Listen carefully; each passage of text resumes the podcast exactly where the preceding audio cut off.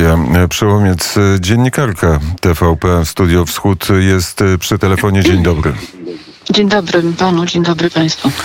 E, przyglądamy się z pewną nadzieją temu wszystkiemu, co dzieje się w Rosji ze społeczeństwem obywatelskim. Informacja o tym, że e, na Uniwersytecie Łomonosowa powstała e, petycja, powstał apel, powstało stanowisko zarówno doktorów, profesorów, studentów, jak i pracowników administracji, protest przeciwko wojnie na Ukrainie, to, to o czym świadczy? No, przepraszam, ale ja nie jestem optymistką. To cudownie, bardzo się z tego cieszę. Świet, bardzo dobrze to świadczy o pracownikach, studentach najstarszego rosyjskiego uniwersytetu, przypomnijmy.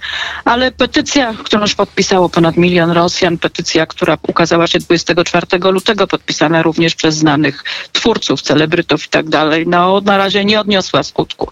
Drodzy Państwo, oczywiście są protesty przeciwko yy, wojnie, ale to jest naprawdę, to są śladowe ilości. Ja się wcale tym ludziom nie dziwię, dlatego że im za to grozi. W tej chwili Duma Państwowa ma zmienić ustawodawstwo i za rozprzestrzenianie fake newsów, a fake newsem jest mówienie, że na Ukrainie trwa wojna, grozi do 15 lat więzienia. Natomiast ja śledzę, no w tej chwili nie mam możliwości śledzenia rosyjskiej telewizji, bo, bo, bo zostały kanały zlikwidowane, ale śledzę media społecznościowe i prawdę powiedziawszy, one są podzielone mniej więcej pół na pół. To znaczy oczywiście 50% jest przeciwko wojnie, a 50% popiera i to wspaniale, że walczymy, że bronimy tych biednych e, ros, ro, rosyjskich obywateli w Donbasie i że skończą się te okrucieństwa e, ukraińskich e, nazistów. Co jest krzepiące. Ja, no, ponieważ mam, mam trudności z, z dotarciem do oficjalnych mediów, e, przeglądam oficjalne gazety i na przykład Komersant, który na, nic nie mówi oczywiście po, o wojnie, ale takie chociażby ten, takie chociażby tytuły.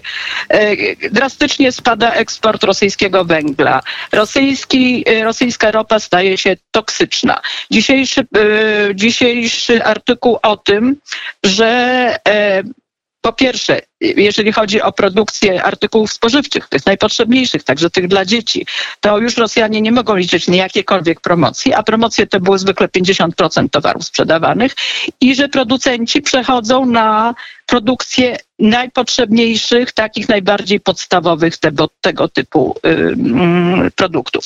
W związku z tym no, Rosjanie będą mocniej odczuwać to wszystko zwykli Rosjanie. A poza tym no, jest jeszcze coś, co się nazywa syndromem, czy też e, cynowej trumny, czy też czarne, czarnego worona.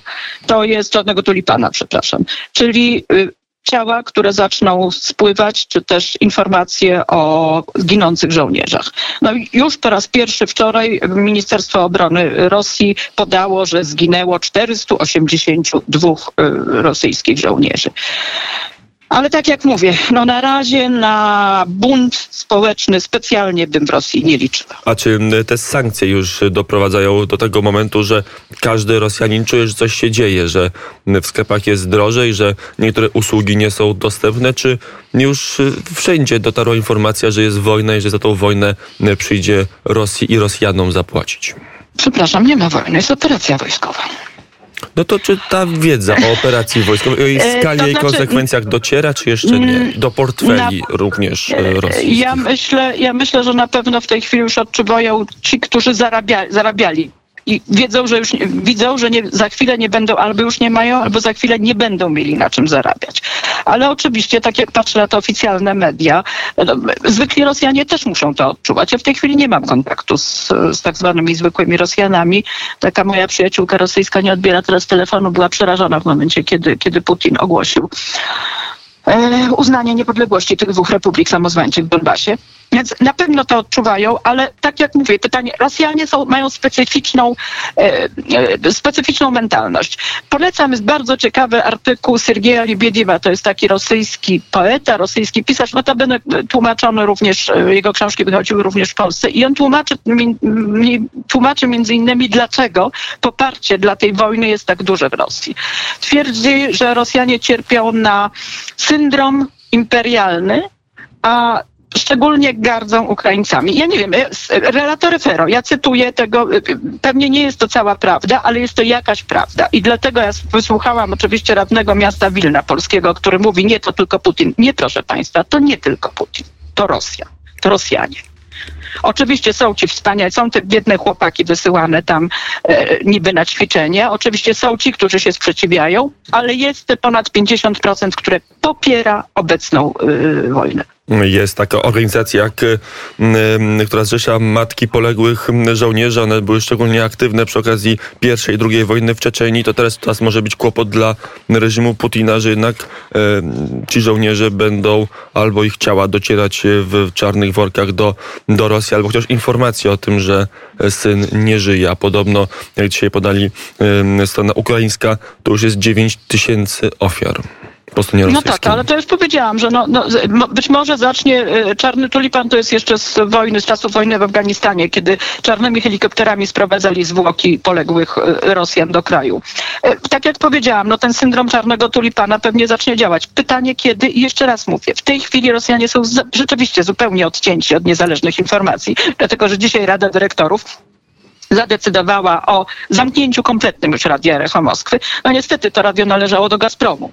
Ono, ono było takim wentylem wolności, pozwalali mu być względnie niezależnym, no ale już skończyły się, skończyło się rumakowanie. Teraz ma być tylko oficjalny przekaz. Oficjalny przekaz jest taki, że kończymy z faszyzmem, a Europa, bronimy Europy przed faszyzmem, a Europa jak zwykle nam nie podziękuje.